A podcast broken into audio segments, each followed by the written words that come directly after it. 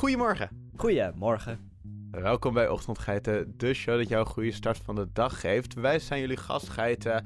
Uh, mijn medegastgeit heet Sam. Ja, dat klopt. En jij? En dan moet je... Ik ben Jeroen. Nou, Nee, dan moet jij mij voorstellen. nou, Ga mij dan voorstellen. nou, en de andere gastgeit, die heet Jeroen.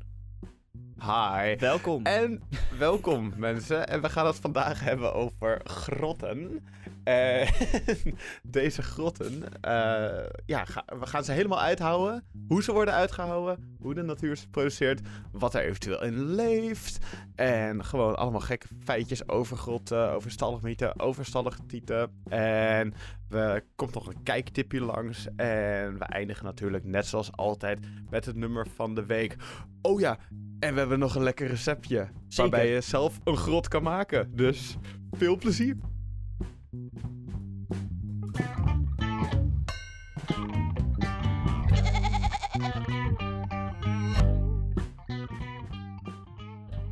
Heb jij wel eens dat je heel lang hebt geslapen of gewoon heel veel hebt gedaan in jouw slaapkamer en dat je dan je kamer uitkomt en dat je ouders dan zeggen, zo, er komt er een Juitse grot vandaan? Ja, dat heb ik wel vaak eh, vooral gehad vroeger. Want vroeger was ik ook heel erg met online gamen met vrienden en zo in de avond. En dan is het al helemaal alsof je inderdaad uit de grot naar de echte wereld komt. Ja, nou, dat is heel erg relatable. Maar nu gaan we van de echte wereld naar de grot. Ehm, want we gaan het namelijk hebben over grotten. Ehm, en laat ik maar meteen met de deur in huis vallen en beginnen met wat een grot nou precies is. Want ja, hè, eh, iedereen heeft denk ik wel ongeveer een idee. Maar ik denk dat dat idee niet 100% klopt. Dus we gaan het gewoon even duidelijk maken. Ehm, uiteraard is een grot een natuurlijk gevormde onderaardse ruimte. Dat, eh, natuurlijk gevormde is belangrijk, maar daar kom ik later op terug. Ehm, hierbij gaat het vaak om grotere ruimte. En wanneer in zo'n dergelijke onderaardse ruimte kleiner, eh, bijvoorbeeld nauwer of moeilijker toegankelijk is, wordt gesproken van een holte. Dus dan is het geen grot. Dat is niet groot genoeg. Ehm, niet grot genoeg misschien zelfs. maar En- wat, is, wat is dan de lengte die een grot minimaal moet hebben? Ehm, weet ik niet. Om Dat is een hele goede vraag. Ik ben best wel benieuwd, want als je inderdaad een holte... Ik ga het ondertussen opzoeken. Ga jij verder? Dan ga ik even kijken. Ja, want een grot kan namelijk uit een aantal holten bestaan. Ehm, en het woord spelonk wordt soms gebruikt voor een nauwere holen, eh, met name in vertalingen van de Bijbel ehm, en de Koran. Ehm, dus dat eh, is meer een wat ouder woord, ehm, ondanks dat het wel ook eh, bepaald kan worden door, door hè, geologische dingen, is het eigenlijk iets wat bijna niet meer gebruikt wordt, het woord spelonk. We moesten er net al een beetje om lachen voordat we gingen, dit, dit gingen opnemen, maar het is een bijzonder Oh. woord. Het, spelo het woord spelonk gebruik ik altijd voor... Nou ja, laat maar. Ik ga je niet op in. Oké. Niet- Beter van niet misschien. dus, ik denk dat iedereen al wel weet. ja, nou, laat Eh, maar. Grotten bestaan meestal uit gangen, ook wel galerijen, en ruimten die hoger en of breder zijn. En dat worden ook wel zalen of kamers genoemd. Vaak heeft een grot meerdere ingangen. Ehm, het kunnen dus wel echt doolhoven zijn en ze kunnen gigantische afmetingen hebben. Ehm, de langste grot ter wereld is namelijk Mammoth Cave in Kentucky, uiteraard in de VS. Ehm, de galerijen van deze vrijwel horizontale grot. in 2013 waren ze ongeveer t- 643 kilometer totaal in lengte. Ja, eh, dat is best een stuk. De, dat, is, dat, dat is drie keer als je van hier naar Lim eh, ver in Limburg rijdt. Ja. Sick. ja, Van en- hier. Trouwens, hier is echt super relatief. Van de hoofdstad, de hoofdstad van Nederland tot, eh, tot in het verre, verre Limburg. dus. Ehm, eh, eh, Amerika kan niet alles van ons afpakken. En zo hebben wij ook in Europa de diepste en tevens meest verticale grot ter wereld. Namelijk eh, de. eh, oh, ik ga echt mijn best doen. De Kruberag-grot. Ehm, in Georgië. Tussen de ingang en het diepste punt bestaat 2197 meter niveauverschil. Sick. En dat is echt wel een flink stuk. En ehm, ik herhaal eventjes de diepste en meest eh, verticale grot ter wereld. Ehm, ja, lijkt me fantastisch. Ik ben in aardig wat grotten geweest in mijn leven, maar eh, dat lijkt me echt geweldig om te zien. Ja. Dan... Ja. Meisjes. De eerste grot ter wereld waarin speleologen de magische diepte van 1000 meter bereikten, eh, specifiek in augustus 1956, was de Jouvre Bergère in Frankrijk. En in 2013 waren er over de hele wereld 97 grotten bekend die dieper waren dan 1000 meter. En twee eh, derde daarvan is gelegen in Europa. Yeah, let's go. Europa Hell- supremacy. Hell yeah. Maar het is wel even, eh, om hier even bij stil te staan. Het is echt bizar om te bedenken dat zo'n grot meer dan duizend meter diep is. Ja. Is gewoon een kilometer naar beneden. Ja. En dan is het ook nog niet allemaal verticaal. Dus hoe lang zo'n grot is, is echt bizar. Ja, eh, ja je, hebt, je hebt inderdaad, dat zeg je goed, het is niet één rechte lijn naar beneden.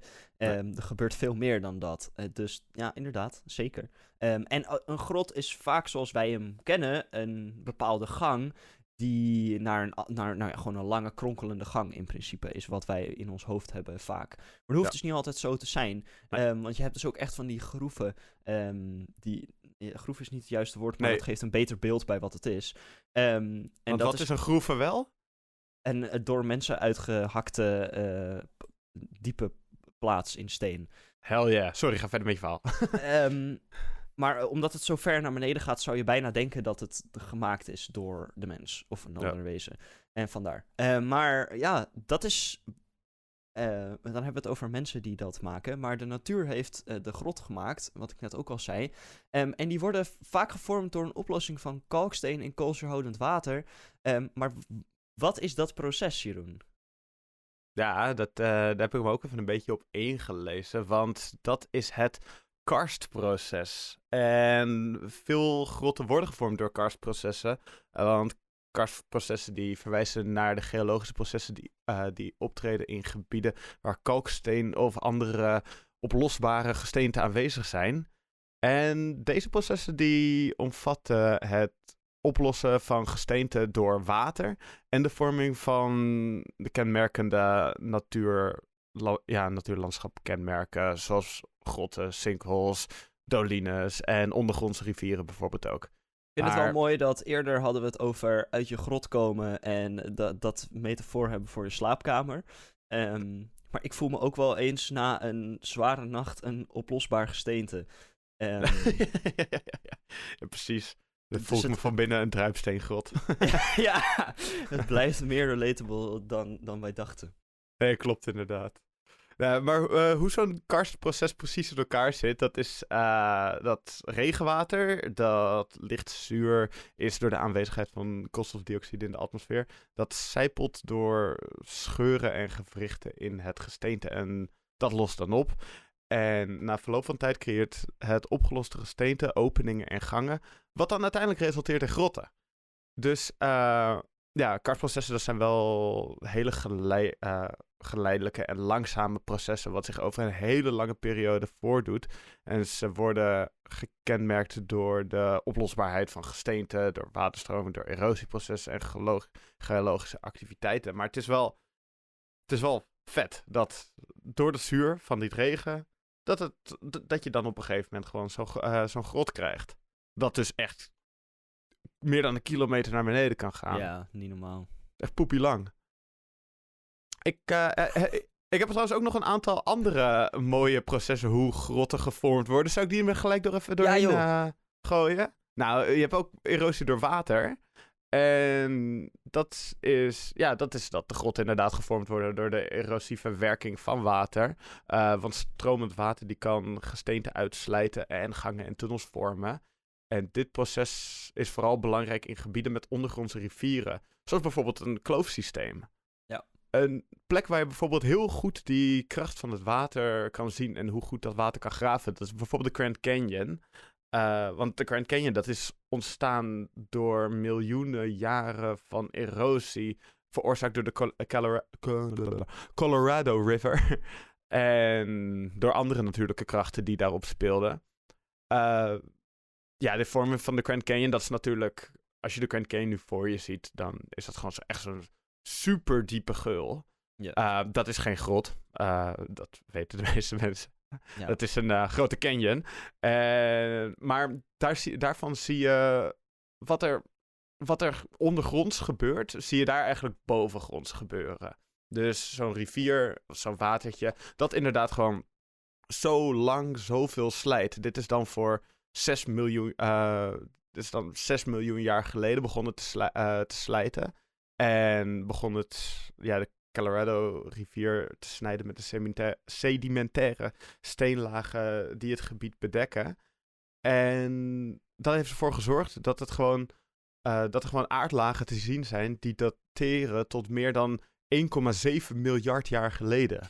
Ja, ik wou net zeggen, 6 miljoen jaar is niet veel voor een rivier om zo'n groot stuk uit te slijten. En dat heeft ook precies. natuurlijk te maken met het soort grond dat daar ligt. Wat vroeger gewoon zeebodem was. En uh, ja, wat jij ook al zegt, het is sedimentatie, dat is wat makkelijker uit te slijten.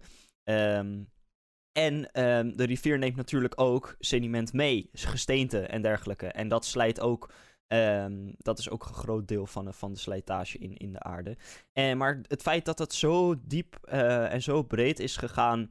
Uh, met zo weinig tijd, want 6 miljoen jaar is ja. helemaal niet veel. Uh, op een schaal van de aarde bijvoorbeeld. Um, dus dat is ja, bizar.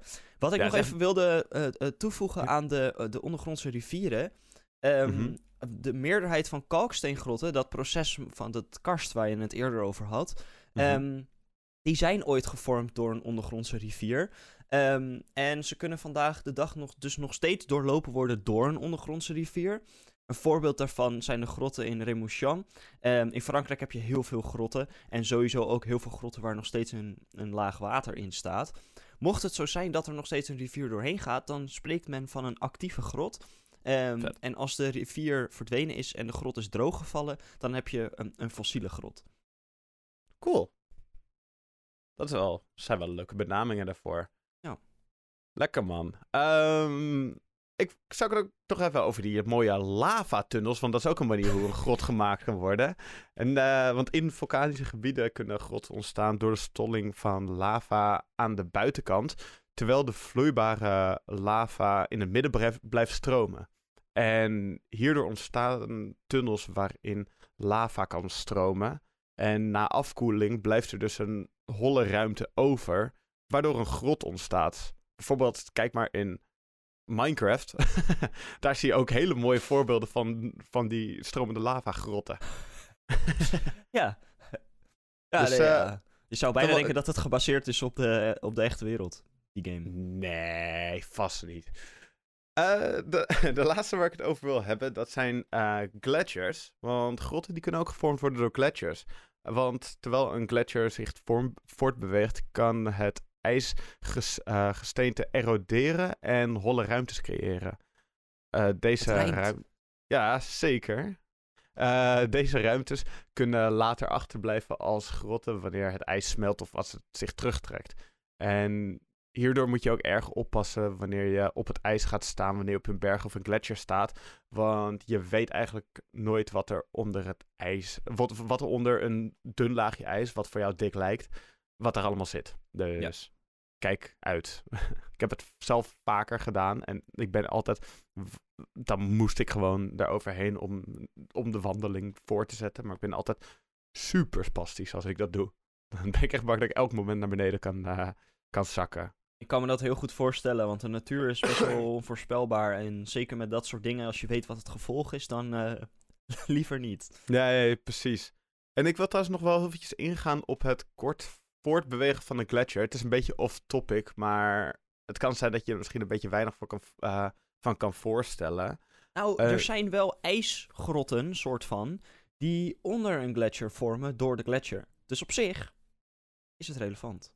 Eh, zeker waar, inderdaad. Uh, een gletsjer beweegt zich voort door de combinatie van zwaartekracht en de plasticiteit van het ijs. Het ijs vervormt onder druk en beweegt langzaam bergafwaarts. Uh, bergafwaarts. En dit wordt veroorzaakt door sneeuwaccumulatie, wat, het verdicht, wat verdichting van het, tot het ijs is. en ook bijvoorbeeld plastische vorming en de invloeden van zwaartekracht. En dit resulteert dan in een langzame stroming van de gletsjer, waarbij het ijs zich voortbeweegt langs de helling van het terrein. Dus zo beweegt een gletsjer.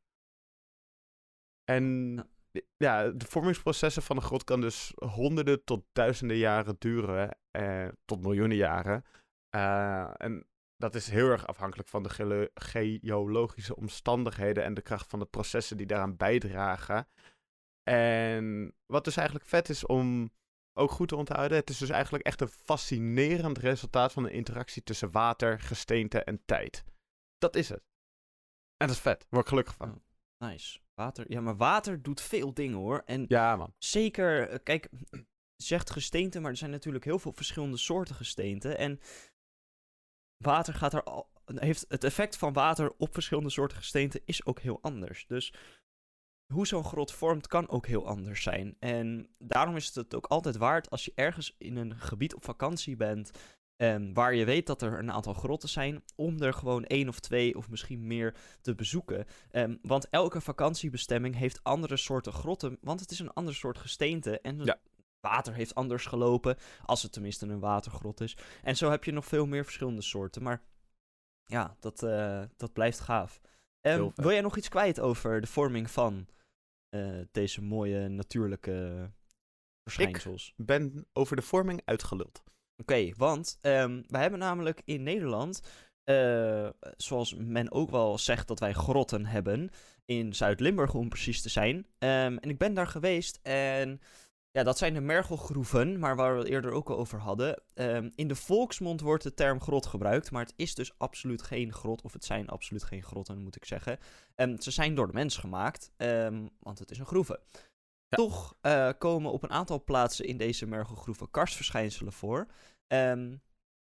Dat is ook wel interessant om, eh, om te weten. En wat wel zo is, is de grootste karstgang, dus echt een grot in Nederland, bevindt zich in het noordelijk eh, gangenstelsel van de Sint-Pietersberg. In het zogenaamde stelsel van Jansen-Echels. En dat is 50 meter lang. Ehm, dus dat is wel in de buurt van de groeven, maar ehm, ja, het is het niet. Sint-Pietersberg is bij Valkenburg, toch? Eh, even kijken hoor. Dat zou zomaar kunnen.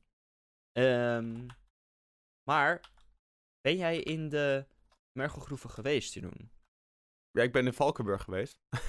en, en ik ben daar bij de grotten geweest. Nee, ik ben inderdaad eh, wel in Limburg heb ik een aantal grotten eh, ontdekt. Nou, niet ontdekt, maar ben ik doorheen gegaan.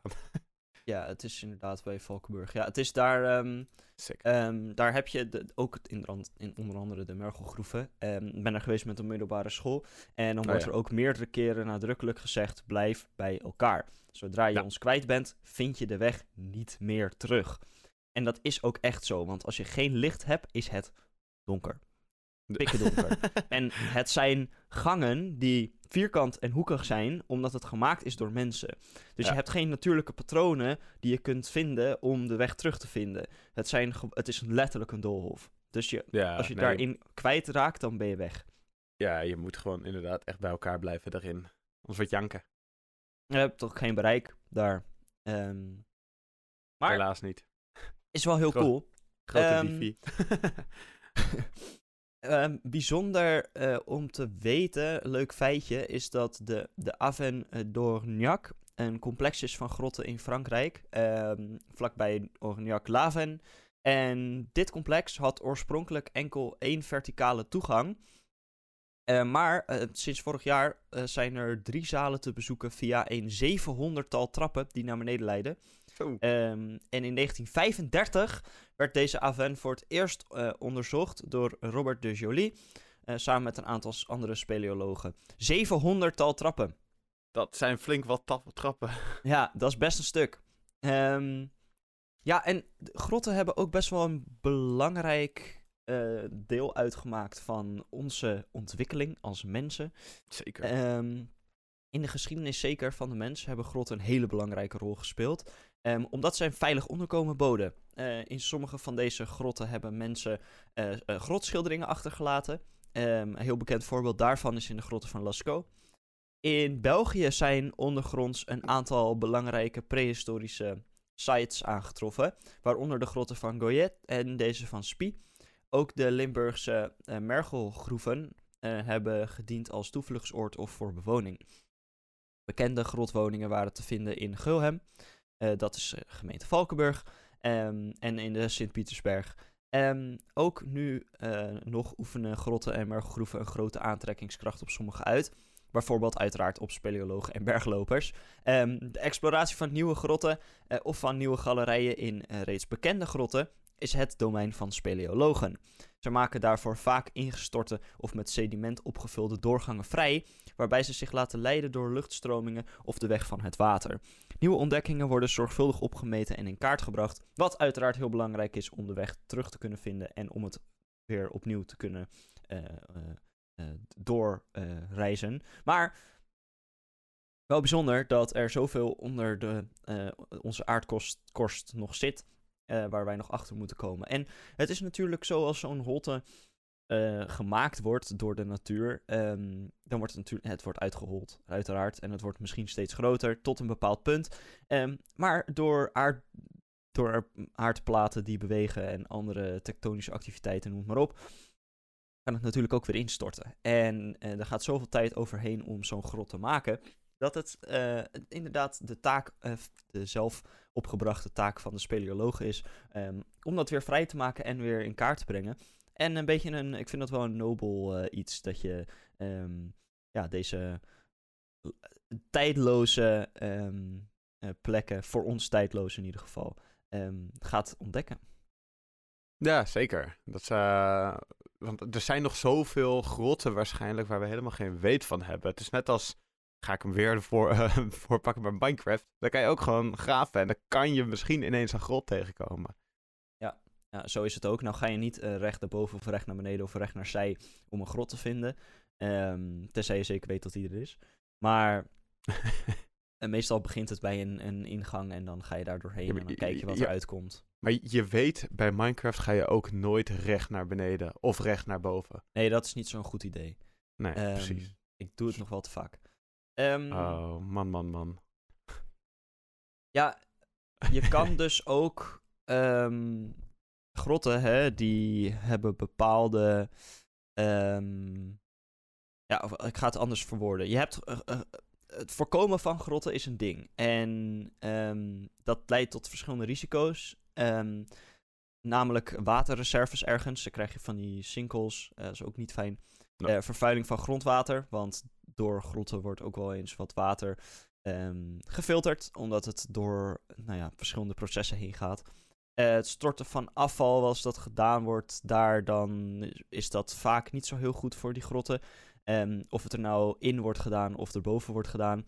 Um, ja, en instortingen uiteraard. En het voorkomen van deze risico's kan bepaald worden door middel van, zoals een mooie term van geofysische uh, prospectie. Um, en dan kan het dus gewoon letterlijk in kaart gebracht worden waar de risico's liggen. Um, zulke kaarten dienen um, uiteraard voor het bepalen van gebieden waar bepaalde ja, problemen of bepaalde uh, van deze types, wat ik eerder ook al zei, waterreserves en dergelijke, waar die wel veilig ingepland uh, gepland kunnen worden. en ook wel gebieden waar woonzones wel of niet kunnen komen. Dus er wordt echt wel goed rekening mee gehouden. ja, want, tegenwoordig ja, wel, maar ja, je kent die filmpjes uit Amerika wel, dat in één keer uh, er een heel groot gat in de grond komt in het midden van de straat en dat er ineens... Ja. De sinkholes. Een auto, ja precies, dat er ineens een auto in belandt of zo. Ja, of een huis. Um, en dat gebeurt nog steeds, omdat er vroeger inderdaad niet heel veel goed rekening mee gehouden werd. Maar tegenwoordig gelukkig wel. En um, ja, je gaat niet een flatgebouw op een grote grot zetten. Uh, dat is gewoon niet zo'n heel goed idee.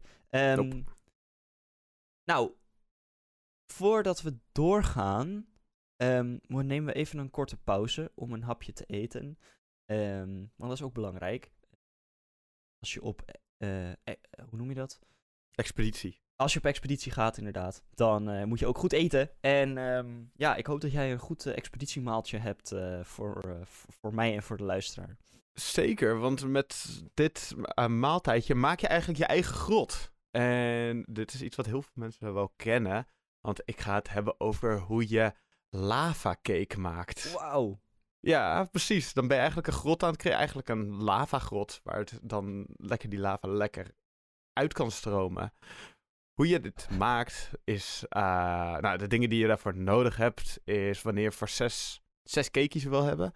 dan heb je 175 gram roomboter nodig. Doe maar lekker ongezout. Anders gaan je nieren naar de tering. Uh, yes. en uh, daarnaast 175 gram pure chocolade, uh, 75 gram suiker, 75 gram bloem, uh, drie eieren, twee eierdooiers, Een beetje vanille-extract. Echt een paar druppels heb je daar maar voor nodig. En zout. Om alsnog wel een beetje zout erin te hebben. maar niet specifiek in die roomboter zelf.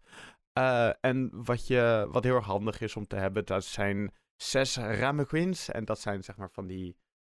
van die Vormpjes. Hoe heet dat nou? Vormpjes, ja. Vormpjes waar je net in kan gooien.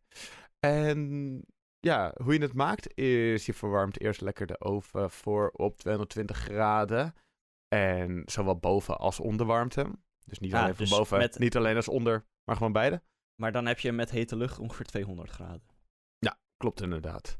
En uh, doe je de eieren en de eierdooiers in een ruime kom of in een keukenmachine samen. En met de suiker uh, klop je het dan vervolgens 5 minuten tot een lekker luchtig en wit-gele massa. Oh, lekker. Uh, ondertussen smelt je de boter, chocolade en een paar druppels van die vanille-extract uh, in de magnetron. Ja, gewoon lekker in de magnetron gooien. Ah, Niet dat altijd moeilijk smelten, hè? Precies, lekker smelten. En als de boter en chocolade gesmolten zijn, haal je deze lekker uit de magnetron en spatel je een beetje lekker heen en weer, zodat het een... Uh, en dan giet je ook lekker dat eigeel en dat suikermengsel er doorheen, zodat het één lekker gezellig dingetje is. En daarna gooi je nog wat bloem doorheen, een snufje, uh, snufje zout. En zo wordt het uiteindelijk een mooi lobbig beslag. En dan moet je even die ramekins moet je invetten met een beetje boter. En dan bedek je het bakje met een beetje cacaopoeder, zodat de cake er makkelijk, zodat je hem makkelijk uitkrijgt na het bakken. En je gebruikt expres cacaopoeder hiervoor, omdat bloem een wittige waas achterlaat op het cakeje. En eigenlijk wil je niet die wittige uh, waas, maar wil je gewoon lekker danken cakeje. En daarna zet je de ramekins vervolgens in de oven voor ongeveer 13 minuten. Haal je ze eruit en leg je ze op een schaaltje neer. En dan draai je het cakeje zo om en stort deze pam op het schaaltje.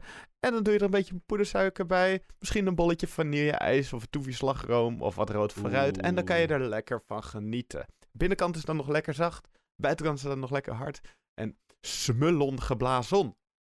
Nice. Ja, uh, een klassieker. Maar het klinkt ook niet. Het is niet super ingewikkeld. En duurt ook niet heel lang om te maken. Nee. Klopt inderdaad. Dus uh, zo kan je je eigen grot thuis bouwen. Ja. En je kan het ook zo groot, eigenlijk zo groot maken als je wil. Als je gewoon een mokergrote grot wil hebben, maak je gewoon een heel groot cakeie. Kan je er zelf in lopen. Wauw. Wauw, heel bijzonder. Nice. Um, goed recept, mooi recept. Vooral heel lekker, denk ik.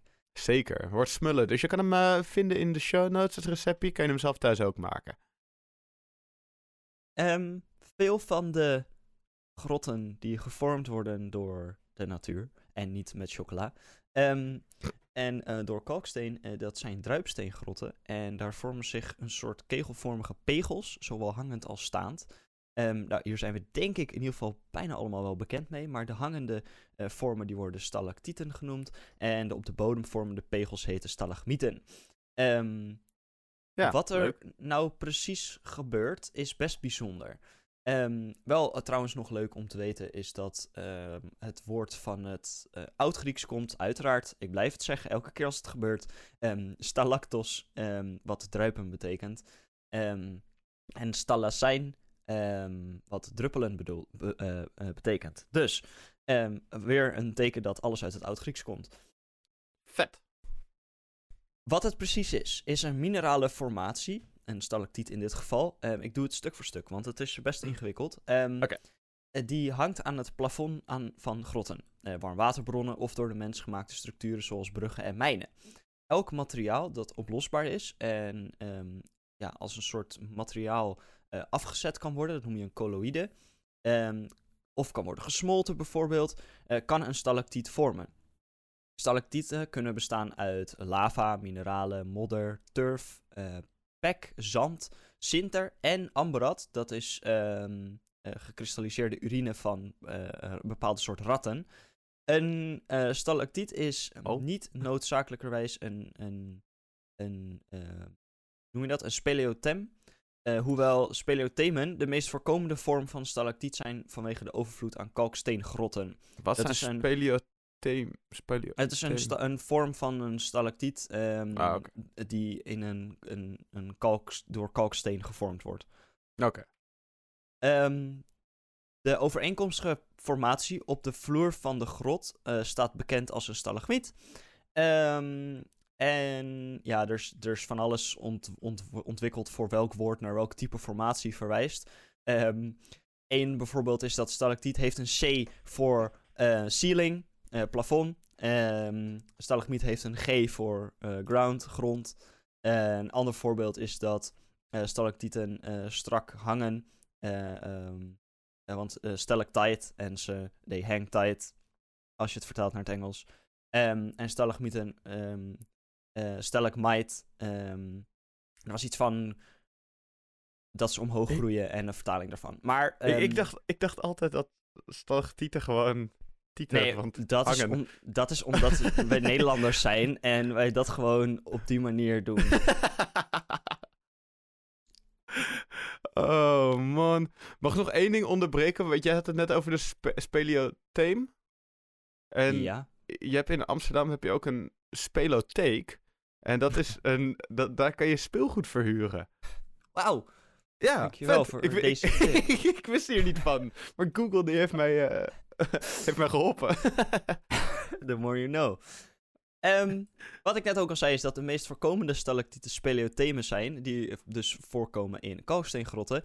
Ehm, ze ontstaan door een afzetting van calciumcarbonaat en andere mineralen, die uit gemineraliseerde wateroplossingen worden neergeslagen. Dus je hebt de water, water er zit een oplossing in van allemaal spulletjes, allemaal mineralen en allemaal dingetjes. En eh, daar krijg je neerslag uit. Dat betekent dat het of verzadigd is, of al heel lang stilstaat en dan gebeurt dat gewoon. Die neerslag is ehm, eh, eh, calciumcarbonaat en andere mineralen. Daarvoor vormt een stalactiet uit. Kalksteen is de belangrijkste vorm van calciumcarbonaat. Die wordt opgelost door water dat kooldioxide bevat. Waardoor in grotten een calcium, zoals je dat dan noemt, bicarbonaatoplossing wordt gevormd. En daar heb je een hele mooie chemische formule voor. Ehm, want het is gewoon een scheikundig proces. Deze eh, oplossing eh, verplaatst zich door het gesteente tot eh, het een rand bereikt. En als dit op het dak van een grot is, druppelt het naar beneden. Wanneer de oplossing in contact komt met lucht, wordt de chemische reactie ehm, die haar heeft doen ontstaan omgekeerd en worden deeltjes calciumcarbonaat afgezet. De omgekeerde reactie zorgt er vervolgens voor dat het dus weer eh, gesteente wordt en doordat het naar beneden druppelt en zo krijg je een stalactiet. Vet. Ehm, de gemiddelde groeisnelheid, vind ik wel grappig, is 0,13 mm per jaar. Ehm, de snelst groeiende stalactieten worden gevormd door een constante toevoer van langzaam druppelend water, dat uiteraard rijk is aan calciumcarbonaat en kooldioxide. Want hoe meer er daarvan aanwezig is, hoe meer er die scheikundige reactie eh, kan plaatsvinden en eh, hoe meer het afgezet kan worden en dus ook hoe sneller het kan groeien. Eh, dat kan dus met wel 3 mm per jaar. Ehm, ver boven het gemiddelde. De druppelsnelheid moet langzaam genoeg zijn om de CO2 uit de oplossing ehm, in de grotatmosfeer te laten ontgassen, waardoor het, de uiteindelijke stof op de stalactiet wordt afgezet. Bij een te hoge druppelsnelheid valt de oplossing, die nog steeds het grootste gedeelte van de belangrijke stof eh calciumbicarbonaat eh, bevat, op de bodem van de grot, waardoor ontgassing Oh ja. plaatsvindt en dan wordt het afgezet als stalagmiet. ja, vet. Daarom zie je ze ook altijd een soort van naar elkaar toe wijzen. Van Ja, bovenkant en onderkant. Dan krijg je een soort pilaren inderdaad. Ehm, alle kalkstenen, of een, een potentiële pilaar. Dus een pilaar die een pilaar wil zijn, maar geen pilaar is. Eh, stalactietvorming begint Piel. meestal eh, over een, een groot gebied met meerdere paden voor het mineraalrijke water om te stromen. Als mineralen in één kanaal iets meer worden opgelost dan in andere, eh, zoals je dat dan zegt, concurrerende kanalen, ehm, begint het dominante kanaal steeds meer van het beschikbare water op te nemen, waardoor het sneller groeit en uiteindelijk alle andere kanalen worden verstikt. Ehm, dat klinkt als kapitalisme. Dit is een van de redenen waarom formaties eh, vaak eh, minimale afstanden tot elkaar hebben. Hoe groter de formatie, hoe groter de interformatieafstand. Ehm Lekker door. Dezelfde waterdruppels die van de top van een stalactiet vallen, zetten meer calciet af op de bodem eronder, wat uiteindelijk resulteert in een ronde of kegelvormige stalagmiet. In tegenstelling tot stalactieten beginnen stalagmieten nooit als holle, eh, zoals je dat kan zeggen, frisdrankrietjes. Um, na verloop van tijd uh, kunnen deze uh, formaties samenkomen en versmelten tot een speleothema van calciumcarbonaat dat bekend staat als een zuil, pilaar of stalagnaat. En dan heb je de echte pilaar. Um, dan had ik net al heel eventjes over, maar een ander type stalactiet wordt gevormd door lavabuizen, terwijl gesmolten en vloeibare lava nog actief is binnenin. Um, het vormingsmechanisme is de afzetting van gesmolten druipend materiaal op de plafonds van grotten, maar bij lavastalactieten gebruikt de vorming zeer snel, in slechts enkele uren, dagen of weken, terwijl stalactieten van kalksteen tot duizenden jaren kunnen duren. Een belangrijk verschil met lavastalactieten is dat wanneer de lava niet meer stroomt, de stalactieten ook niet meer groeien. Dit betekent dat als de stalactiet gebroken zou worden, dat hij nooit meer terug zou groeien. En dat is bij uh, kalksteengrot wel. De algemene uh, term, la, oh ja, wacht even hoor, als in icicle, maar dan lavasicle, Um, is zonder onderscheid toegepast op uh, lavastalactieten en stalagmieten en is ontstaan uiteraard uit het woord icicle. Net als kalkstenen stalactieten kunnen ze uh, lavadruppels op de vloer achterlaten, die veranderen in lavastalagmieten en uiteindelijk kunnen versmelten met de overeenkomstige stalactiet om een zuil te vormen. Weer een voorbeeld dat ze het in Minecraft goed hebben gedaan, want daarin is het precies hetzelfde. Je kan met zowel water als met lava kan je deze stalactieten en stalagmieten maken. Minecraft is gewoon geweldig. Ja, eens. Ja. Um, het is gewoon real life. Real life simulator. Ja, precies. Het is totaal niet uh, fantasie. Um, en stalagmiet, uh, wel leuk dat er ook uit het Oud-Grieks iets uh, van is, namelijk stalagmites. Um, dat betekent vallen of druppelen. En ja, dat is of nou ja, goed, laat ik het zo zeggen. Stalagmias betekent vallen of druppelen. En ites betekent er verbonden met lid van. Dus um, ja, zo heb je een logisch woord. en stalagmiet is een, dus een rotsformatie die uit de vloer van een grot oprijst. Um, uit, als gevolg van de opeenhoping van materiaal dat op de vloer is afgezet door druppels van het plafond. Het um, proces is uh, ongeveer hetzelfde en het zijn ook dezelfde soort stoffen. Dus ook weer turf, pek, zand, et, et cetera. Um, want het vormt namelijk ongeveer op dezelfde manier. Het chemische proces is ook hetzelfde. Alleen, ja, een, een stalagmiet vormt op, dus op een iets andere manier. Voor de duidelijkheid, als je een stalactiet hebt, dan uh, druppelt er water naar beneden. En het is een soort van hol vaak. Uh, niet altijd, maar vaak is het een beetje hol, omdat het water aan de buitenkant loopt. Um, en bij een stalagmiet bouwt het echt op en is het niet hol, is het echt een, een, een dichte, vast iets. Um, ja, um, het kan ook gebeuren bij ijs. We hadden het net al eventjes over ja, een, een, een soort een, een gletsjer, waar je daaronder ook van die soort grotten hebt. En daar heb je ook uh, stalactieten en stalagmieten gemaakt van ijs. Um, en die is uiteraard uh, seizoensgebonden. Um, nou ja, of het hele jaar door in veel grotten. Um, want zijn, het wordt ook wel eens heel koud onder de grond. Of het blijft heel koud. De ijsstalagmiet, meestal aangeduid als ijspegels. vooral in bovengrondse contexten. Maar goed, dat uh, wordt dus ook nog wel eens zo genoemd in de grot. Water dat van het oppervlak wegcijpelt, dringt een grot binnen en als de temperatuur onder het vriespunt ligt, verzamelt het water zich op de vloer tot stalagmieten. Afzetting kan ook direct plaatsvinden door bevriezing van waterdamp. Net als lavastalagmieten vormen ijsstalagmieten zich heel snel, binnen enkele uren of dagen. In tegenstelling tot lavastalagmieten kunnen ze uh, wel weer aangroeien zolang het water en de temperatuur geschikt is. IJsstalagmieten uh, komen vaker voor dan hun stalactieten tegenhangers, omdat warmere lucht naar de plafonds van grotten stijgt en de temperatuur kan verhogen uh, tot boven het vriespunt. Um, dus dat is ook wel een leuk iets. Bij, ja, en dan, dan zou het ook direct met het net voordat het valt, zou het snel moeten bevriezen. En dat is inderdaad. En door die warmte is dat niet echt te doen. En het is sowieso best, best wel snel dat ja. zo'n druppel naar beneden gaat. Inderdaad. Um, eerder deze uh, aflevering hadden we het al heel eventjes over dat mensen ehm, wel eens een thuis hebben gevonden in grotten. Zeker in de, in de, in de prehistorie. Maar dat geldt niet alleen voor mensen als diersoort, ook veel andere diersoorten. ehm, ja, die vinden dat, ze, dat grotten gewoon een lekker huisje is. En ehm, jij hebt daar het een en ander over te vertellen, volgens mij. Ja, klopt. Ik heb een, eh, ik heb een klein stukje daarover. In de, eh, een klein beetje leuke feitjes daarover. Eh, want de biodiversiteit in grotten is echt super uniek. En dat is, is gewoon heel erg aangepast op het donkere en afgesloten grotmilieu. Want hoewel grotten over het algemeen minder soorten herbergen dan andere ecosystemen, hebben ze wel een hele specifieke ja, groep van organismen die zijn aangepast op de omstandigheden die in zo'n grot aanwezig zijn. Dus er zijn, ik ga even een paar enkele voorbeelden van ja, die biodiversiteit in grotten noemen. Eh, ze hebben bijvoorbeeld de troglobieten. En troglobieten, dat zijn dieren die volledig zijn aangepast aan het leven in de grotten en eigenlijk ook nergens anders kunnen overleven. Eh, ze hebben vaak een bleke kleur, eh, verminderde ogen of zelfs helemaal geen ogen. Eh, en lange le- ledematen of antennes die zich oriënteren in het donker. En voorbeelden van deze troglobieten zijn bijvoorbeeld grote kle- eh, krekels, grote pissenbedden en blinde vissen die bijvoorbeeld in de wateren zitten.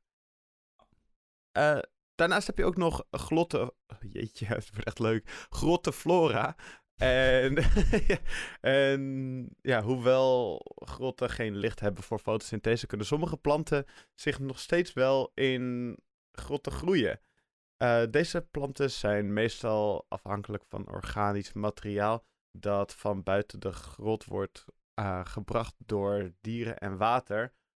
En bijvoorbeeld mos en schimmels en algen zijn bijvoorbeeld enkele voorbeelden van deze grottenflora. Eh daarnaast heb je ook nog grotbewonende dieren. Want naast troglobieten zijn er ook dieren die grotten gebruiken als schuilplaats of tijdelijke verblijfplaats. Zo ook bijvoorbeeld de mens vroeger vaak. En deze dieren die verlaten de grotten meestal alleen om voedsel te zoeken. Ja, een voor, heel bekend voorbeeld hiervan is bijvoorbeeld de vleermuis. Die in ja, grote aantallen in grotten voor kunnen komen. Eh, daarnaast is ook nog eh, een voorbeeld van biodiversiteit in grotten. Is, zijn gewoon de micro-organismen die daar leven. Maar ja, grotten die herbergen een breed scala aan micro-organismen, zoals bacteriën en schimmels, zoals waar we het al eerder over hadden. En deze micro-organismen spelen een belangrijke rol bij het afbreken van organisch materiaal in de voedsel- en de voedselketen in grotten. Dus ja, wat gewoon belangrijk is om op te merken, is dat de biodiversiteit in grotten heel erg eh, varieert en heel erg afhankelijk is van de locatie en de specifieke omstandigheden van elke grot. Dus je vindt eigenlijk weinig grotten, behalve als die in de buurt zijn bij elkaar, of als die precies dezelfde omstandigheden hebben, die echt op elkaar lijken. Dus sommige grotten die kunnen ook een hogere biodiversiteit hebben en andere, natuurlijk afhankelijk van die factoren, zoals het voorkomen van voedselbronnen, waterbronnen en toegankelijkheid, ja, kunnen gewoon een stukje minder biodiversiteit hebben. Dus dat verschilt super erg per grot. Ja. Dus dat vind ik wel, vind ik wel mooi. Dat je, Ja. je denkt bij grotten altijd als een kale, kale bende. eh, maar hoeft niet zo te zijn. Je, Ik denk het ook dat heel van veel van grot de, zijn. heel veel van de, van de troglobieten, denk ik, dat zij ook ehm, niet altijd zichtbaar zijn voor de mens. En ik denk dat wij daarom voor onszelf de grotten als een soort ja, lege, holle ruimte zien. Eh, Ja. Maar dat dat helemaal niet zo hoeft te zijn. En er zijn ook eh, natuurlijk de grotten waar mensen, waar veel toeristen bijvoorbeeld komen, daar eh, is ingebouwd, daar staan lichten binnen. En ja, daar zullen die dieren niet zo heel veel zijn, als in gewoon helemaal niet. Maar eh, er zullen genoeg grotten zijn, grottenstelsels, die niet eh, verbouwd zijn, om het zo maar even te zeggen. Ja, en daar zitten die, eh, die diertjes. Ja, het is mooi. Het is leuk hoe dat, eh, hoe dat allemaal op deze aardbol samenspeelt. Ja. Heb jij nog iets toe te voegen aan de mooie, aan de mooie dingetjes over God? Want anders ga ik door met naar de kijktip van de week. Nee, ik heb er zeker nog wel iets over te vertellen. Ehm, Mooi. Een voorbeeldje namelijk van dieren die vooral in grotten leven zijn onder andere de zweepspinnen. Ehm, in deel 4 van Harry Potter zit zo'n beest. ehm, daar wordt Crucio op gebruikt. ehm, en Ah, dat is ja. heel zielig. Maar zo'n beest is een zweepspin. En die zitten bijvoorbeeld in grotten. Want die hebben hele lange, hele, hele, hele lange voorpoten. En dan kunnen ze, zoals de naam al suggereert, de, de, de- hun omgeving een beetje betasten door dat, dat rond te zwepen. Oké. Je hebt in eh, Nieuw-Zeeland en in Australië in sommige grotten een blauw-groene gloed. En die gloed komt af, afkomstig van een, een, een mug. En die muggensoort eh, heeft larven die licht produceren om prooien te lokken door middel van een chemisch proces. Dat proces wordt bioluminescentie eh, genoemd. En daar hebben we het al eerder over gehad. Dus wil je daar meer over weten, luister dan de aflevering over chemoluminescentie. Ehm, maar ik vond het wel even leuk om te noemen, want ehm, er zijn namelijk grotten in eh, Nieuw-Zeeland, de Waitomo-grotten. En daar is die gloed dermate spectaculair dat er dagelijks honderden bezoekers op afkomen. Vet. En dat is eh, alles wat ik wilde vertellen. En ik ben heel benieuwd wat de kijktip van de week is. Ehm, want eh, ja, dat is Nou. toch wel een mooie. De kijktip, van- de kijktip van de week, dat is, dat is een documentaire van National Geographic. En dat is The Rescue.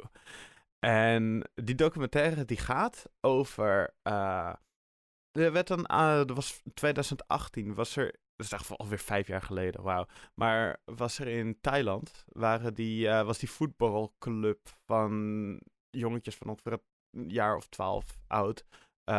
waren in een grot vast blijven zitten. Oh ja. Eh, want die, ging, die gingen een grot in, met z'n allen, om de grot een beetje te verkennen. En toen ging het ineens heel hard regenen buiten. En toen kwamen ze de grot niet meer uit. Want die grot, die, eh, door, door die ophoping van, eh, van het water en de grot was redelijk, redelijk horizontaal. Konden ze op een gegeven moment gewoon niet meer de uitweg vinden. En het heeft uiteindelijk 14, 12 tot 14 dagen geduurd, voor mij 12, eh, totdat die kids gered werden. Maar die, ehm, maar die documentaire, die laat zien hoe dat proces in elkaar zit. En hoe moeilijk het is. Ze gaan er helemaal op in hoe moeilijk het is om door zo'n grot heen te komen. En tegen wat voor een obstakels je komt. Het duurt ook bijna twee uur. En het is echt. Het, het zit zo goed in elkaar, die documentaire. Het is zo duidelijk. En je wordt er helemaal in meegenomen. Het is ook. Je wordt er. Het wordt ook echt verteld door de reddingswerkers die daar aanwezig waren. Want ze hebben, eh, ze hebben toen vanuit de staat van Thailand hebben ze, de, eh, hebben ze eigenlijk de bekendste of de beste grotduikers in de wereld hebben ze allemaal bij elkaar gezocht om die grot door te gaan. En je hoort het ook vanuit hun perspectief, wat de problemen waren waar ze tegenaan liepen. En het is gewoon echt een hele goede documentaire om te kijken. Dus kijk, eh, kijk hem. Eh, National Geographic dingen staan op Disney Plus, dus hij staat ook op Disney Plus. Het is dus The Rescue. Het is echt een aanrader. Shout-out naar National Geographic die hele goede natuurdocumentaires maakt. Dus ze zijn geweldig. Het is echt zo top. Oh, goeie, goeie kijktip. Eh, misschien een Oh, linkje ja. in de show notes. Ja, linkje in de show notes. Dus als jij ehm, als je Disney Plus hebt, kijk even lekker in de show notes. Alright. Nice. Lekker. als jij in een grot staat, dan heb je toch die classic meme dat je als je een, een, een echo hebt in, in de grot, hè, dat, je, dat als je wat zegt of als je wat roept, dat je, dat je dan zo'n echo krijgt. Ja. Er zijn speciale eh, eh, grotten, eh, vroeger in de middeleeuwen al ontdekt en uitgewerkt. En die grotten zijn gebruikt als feestplek, ook in de jaren, nou, ja, ergens in de 20ste eeuw ook, volgens mij in de 19e eeuw zelfs al. En daar zijn eh balzalen eh, eh, nou ja, gemaakt, als het ware. Ik zeg wel gemaakt, maar dat is door de natuur gemaakt. Alleen, Ja. het is omgevormd tot een soort balzaal. je Ehm, hebt dat waar- ook met hotels en dat soort dingen. Het is echt ziek. Ja, precies. Waar ehm, muziek werd afgespeeld. En ehm, nou is het alweer het einde van deze aflevering. Ehm, dus ehm, wij hebben ook grottenmuziek En ehm, ja, of je het nou echt specifiek in een grot moet luisteren, dat weet ik niet. Maar het zijn in ieder geval lekkere liedjes. En ja, Jeroen, het liedje wat jij hebt uitgekozen. Nee, ik wil eerst naar jouw nummertje gaan, want je, hebt, het over, je hebt het over grotmuziek. Dus ja, ik denk dat dat nummertje van jou best wel vet zou klinken in een grot. Ja, en ehm, het lied heet Live on Mars. En het gaat over Mars, eh, Marsmannetjes. En ik denk dat dat ook wel past misschien bij het interieur van een grot. ehm, Ja. Omdat dat een beetje een soort buitenaards oppervlak lijkt soms. Ja, goed punt. Ehm, nee, Live on Mars is een lied wat ik nu zo'n jaar of twee ken, denk ik ongeveer. Twee of drie. En ehm, het is niet normaal funky. Het slaat helemaal nergens op. Ja, het is En- heerlijk hoor. Die lekkere is- baslijn. Oh, De drum- baslijn is drum. bizar. Ja, eh, de baslijn is vet. het bouwt ook heel mooi op. Het begint echt met een soort ehm, glinsterend geluid. Ja. En dan, ehm, ja, dan bouwt het helemaal op naar een mooi funky thema. En eh, ja, goede, goede klassieke funk vibes, maar dan een beetje futuristisch, een beetje sci-fi-achtig. Ehm, en dat is precies waar ik van hou. Dus eh, vandaar dat lekkere liedje. Het, het begin is ook een beetje, eh, een beetje spacend. Dus je denkt eerst, wow, wa- wat voor trippende muziek ben ik aan het luisteren. En daarna komt inderdaad die funk erin en die groove. En Het gaat heel erg goed in elkaar over. Perfect. Het is echt perfect. Dus lekker nummertje. Ik kende hem niet voor, van, voor vandaag. Ik heb hem net geluisterd. Man, man, man. Heb ik hem Ik niet eerder? Dat is echt een, een- Ik zou daarvoor eh, wel gestraft moeten worden eigenlijk. Want dat is echt niet normaal. Dat, die zou ik al echt al wel eerder aan jou moeten hebben laten horen. Ik vind het een goed idee dat jij gestraft wordt. Op wat voor manier word jij gestraft? Eh, Ja, je mag eigenlijk niet je eigen straf bedenken. Ehm, jij moet... Ehm, oh jee. Ehm, nou, ik, ik, ik, ik hou dit lekker open voor, eh, voor de luisteraar. Dit mag de, luister, dit mag de, de luisteraar mag op ons, ons op Instagram contacteren op wat voor manier Sam gestraft mag worden. Moet worden. Oei. Nou, Beetje interactie met het publiek is altijd ik, goed. kan, ik ben heel benieuwd wat daaruit gaat komen. Want dat eh, kan niet heel veel goeds betekenen. Maar wie Sowieso weet, misschien niet. word ik gespaard. Misschien niet. Ehm, dat hangt van jou af, luisteraar. Wil je. Sam sparen? Of wil je op een goede manier met Sam omgaan en hem op een hele nare manier straffen? Laat het weten op onze Instagram. Ehm, dan... Dan wil ik het over een liedje hebben dat totaal geen straf is. Nee. dat, is, eh, dat is het eh, nummertje I Know What I Am van Band of Skulls. En ik heb het liedje gekozen niet omdat het iets te maken heeft met het thema, maar gewoon omdat ik het een heerlijk liedje vind. Het heeft namelijk gewoon een hele recht door zee beat. Het is, het- je, je wordt echt meegepompt in die muziek. En True. het is, het is gewoon... Ik vind de overgangen vet. Eh, ook weer heeft het drums. Maar die overgangen, waarvan ik heel gelukkig word. Het is namelijk heel... Het, het nummertje is heel simplistisch, maar het zit heel goed in elkaar, vind ik. Ja, En ja. Het is heel, heel simpel. Het is heel, hele, si- heel simpel qua hoe het in elkaar zit. Maar het zit gewoon... Het is zo lekker geproduceerd. Het zit zo, zo simplistisch, maar goed in elkaar. Dat ik er vrolijk van word. En dat ik hem daarom wil delen met, eh, met jou. Er zitten hele klassieke westerse eh, eh, thema's in. En dat is nice. Ook in de zang en zo. Er zit ook een filtertje over de zang heen die het net even anders maakt. Ja. Ja, ja het is een cool lied. Het is een, een wat sneller lied. Ehm, maar het is nice. Ja, maar ik vind hem ook niet heel snel zo. Het is te... Oké, ben je... Ja, het voelt snel vanwege Ja, de gitaar en de drums. Het hoeft niet. Ja. Kijk, het is niet Nee, Rings of Saturn met de 162 eh Nee, BPM nee, en nee. de vi- Nee. 164ste noten. Nee, oké, maar het, is, het voelt snel. En dat is maar dat- niet dat komt- te snel. Het voelt gewoon, gewoon nice. Het heeft een goede drive. Ja, maar het, het komt ook in de- die drive vooral inderdaad. Doordat je tijdens de coupletten zo even gewoon die...